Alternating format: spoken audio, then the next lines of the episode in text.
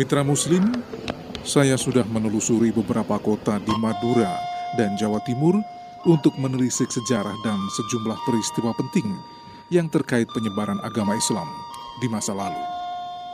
Sekarang saatnya saya menuju Jawa Tengah untuk ekspedisi selanjutnya. Dari Kediri, saya naik kereta api menuju Yogyakarta.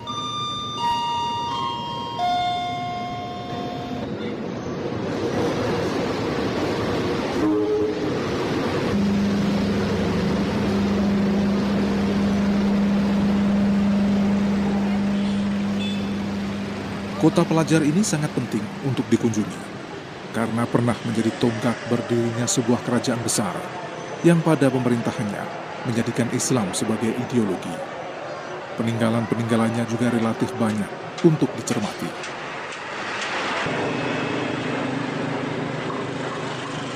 Pilihan pertama saya ketika berada di Jogja adalah Masjid Gede Kauman. Karena masjid kuno ini pernah menelurkan sosok istimewa dalam sejarah Islam di Indonesia. Letak Masjid Gede Kauman berada tak jauh dari Keraton Yogyakarta, tepatnya di sebelah barat, di samping alun-alun utara. Secara administrasi, masjid ini berada di Kampung Kauman, Kelurahan Ngupasan, Kecamatan Gondomanan, Kota Yogyakarta.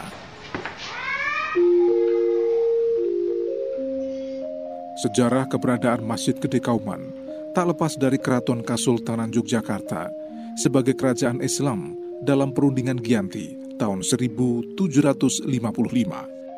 Karena Masjid Gede Kauman berdiri 18 tahun setelah perjanjian Giyanti yang memecah Mataram menjadi Keraton Kasunanan Surakarta dan Kasultanan Yogyakarta.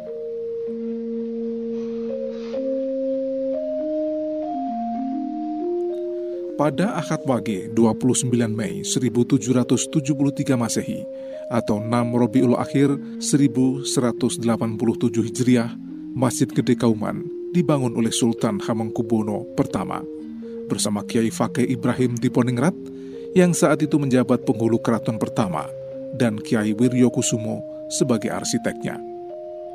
Peristiwa ini diceritakan oleh salah satu pengurus Masjid Gede Kauman, Anwar Bustami. Masjid ini dibangun tahun 1773 Mas. Oleh? Oleh Sri Sultan Hamengkubuwono pertama. Jadi setelah terjadi perjanjian Giyanti, kemudian pecah Mataram Islam menjadi Surakarta Jakarta. Kemudian didirikanlah sebuah kerajaan Ngayojakarta Diningrat. Dalam aturan yang berlaku waktu itu, bahwasanya kalau mendirikan Kesultanan Islam itu harus disertai dengan masjid induknya maka didirikanlah dengan nama Masjid Gede.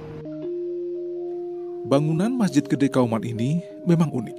Atapnya tumpang tiga, dengan mustaka yang mengilustrasikan daun kuluih dan gada.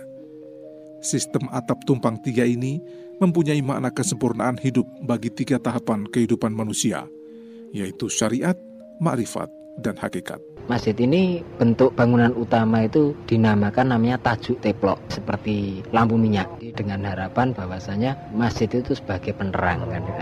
Dan atap bersusun tiga, mustaka di atas itu ada daun kluih, kemudian kembang gabus dan gada. Itu simbol urutannya dari bawah itu yaitu dari syariat, hakikat, makrifat. Kemudian ada yang mengatakan lagi bahwasanya itu simbol dari Islam, bawah kemudian di tingkat kedua ada iman ketiga ada ihsan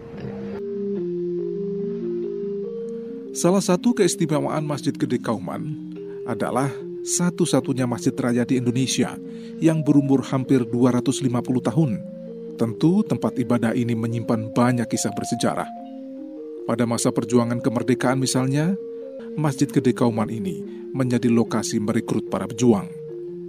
Budi Setiawan, peminat sejarah yang juga warga Kauman, Yogyakarta.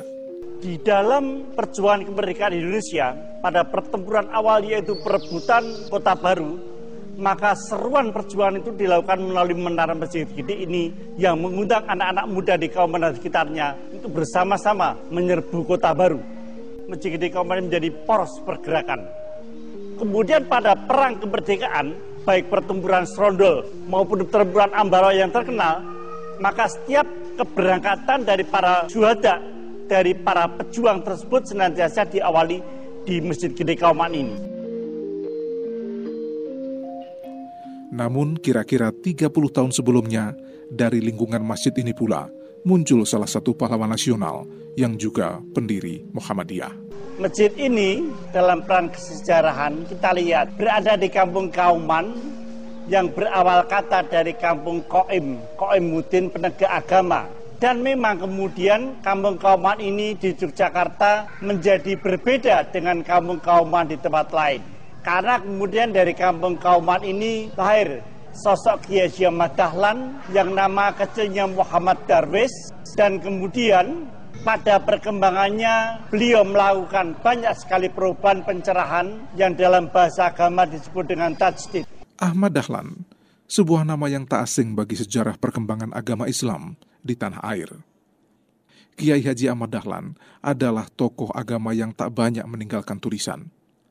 Ia lebih banyak menampilkan sosoknya sebagai praktisi. Sejarawan Adabi Dardan menjelaskan. Kiai Dahlan menggunakan pendekatan ukhuwah persaudaraan, persuasif, penjelasan, dialog, dan sebagainya. Bahwa Ahmad Dahlan itu tidak suka konflik dalam arti frontal, tapi selalu bisa ngomong. Pada waktu itu, Kiai Dahlan sering dikatakan Kristen alus, ya, orang yang sudah keluar dari Islam dan sebagainya. Tetapi Kiai Dahlan tetap istiqomah bahwa apa yang saya sampaikan ini adalah benar dan ada dasarnya dalam kitab Quran dan Sunnah.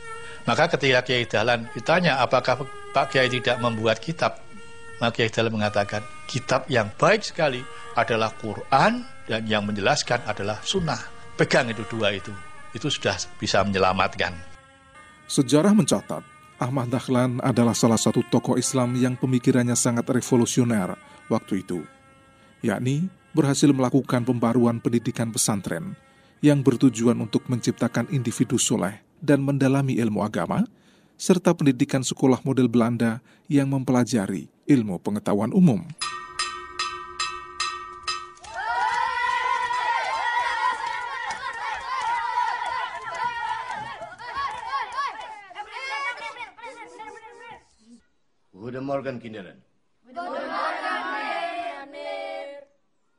Kiai Haji Ahmad Dahlan berpendapat, tujuan pendidikan yang sempurna adalah melahirkan individu yang utuh, menguasai ilmu agama dan ilmu umum, material dan spiritual, serta dunia dan akhirat. Hal ini diceritakan cucu Kiai Haji Ahmad Dahlan, Siti Hadiroh Dahlan. Orang yang berilmu itu derajatnya ditinggikan. Tapi kok kita-kita ini kok belajarannya kok sampai sekarang seperti ini hanya. Sehingga beliau bersikeras mendirikan sekolahan. Biar antara agama Islam dan umum dan ini seimbang. Seperti iman dan ilmu itu seimbang begitu. Nah.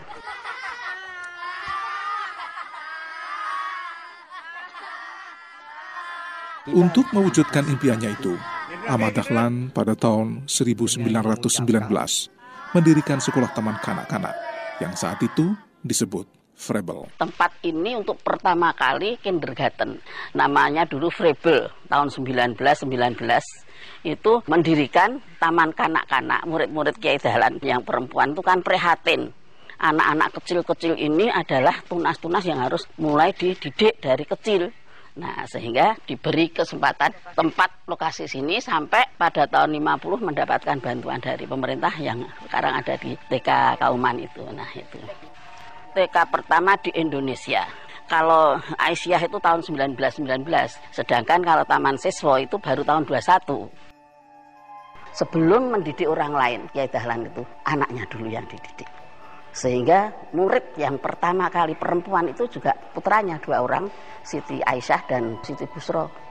Itu dengan teman-temannya yang di Kauman ini itu hanya beberapa orang. Nah, Kemudian murid yang laki-laki itu ya sirat anaknya sendiri dengan Irfan Jumhan yang sekarang ada di Bangkok gitu ya.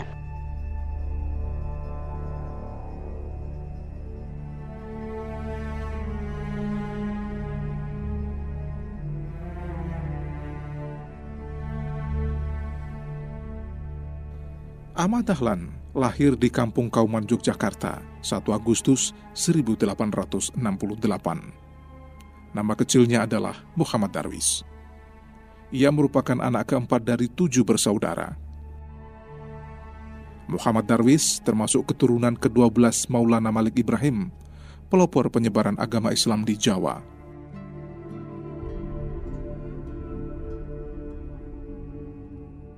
Muhammad Darwis dibesarkan di lingkungan yang sangat agamis, Kauman, sebuah kampung dengan pengaruh agama Islam yang sangat kuat.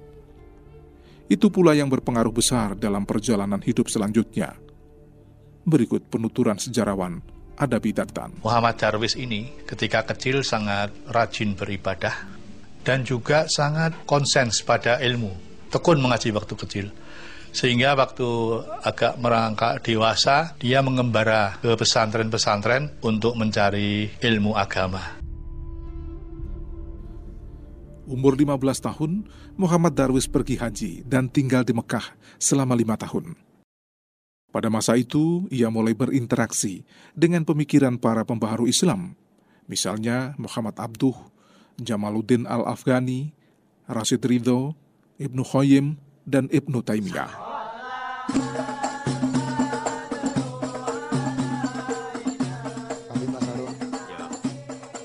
Ketika pulang kembali ke Jogja tahun 1888, ia berganti nama menjadi Ahmad Dahlan.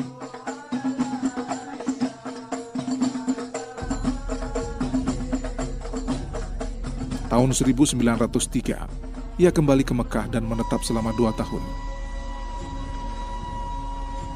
saat itu ia berguru kepada Syekh Ahmad Khotib yang juga guru dari pendiri Nahdlatul Ulama, Kiai Haji Hasim Asyari.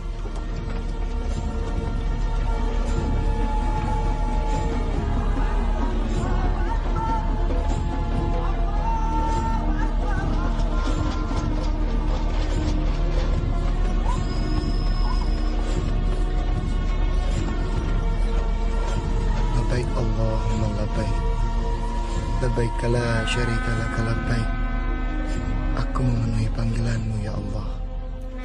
Aku... Dengan maksud mengajar agama Tahun 1909 Kiai Dahlan masuk Buti Utomo Organisasi yang melahirkan banyak tokoh-tokoh nasionalis. Di sana ia memberikan pelajaran untuk memenuhi keperluan anggotanya. Pelajaran yang diberikan sangat berguna bagi anggota Buti Utomo, sehingga para anggotanya menyarankan agar Kiai Dahlan membuka sekolah sendiri yang diatur rapi dan didukung oleh organisasi yang bersifat permanen.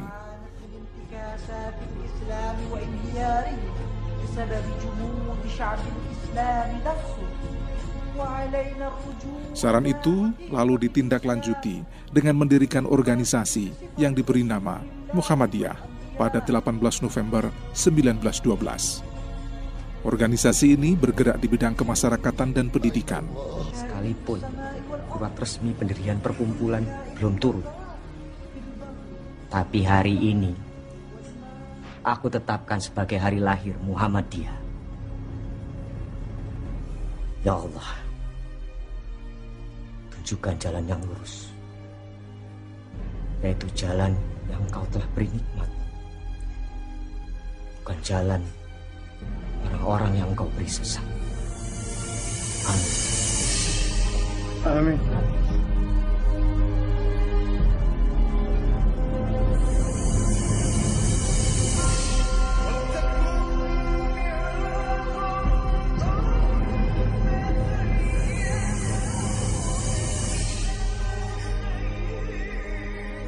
Pada bidang pendidikan, Ahmad Dahlan mereformasi sistem pendidikan dengan mendirikan sekolah-sekolah agama yang memberikan pelajaran pengetahuan umum serta bahasa Belanda.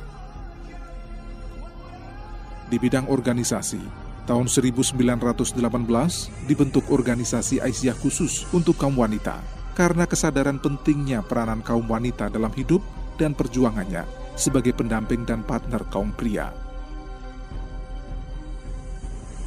Sementara untuk pemuda, dibentuk Pathfinder atau Pandu. Sekarang dikenal dengan nama Pramuka. Tapi saat itu masih disebut Hizbul Waton yang disingkat HW. Pembentukan Hizbul Waton dimaksudkan sebagai wadah pendidikan para pemuda, tempat persemaian kader-kader terpercaya, sekaligus menunjukkan agama Islam tidak kolot, melainkan progresif. Tidak ketinggalan zaman, namun sejalan dengan tuntutan keadaan dan kemajuan zaman.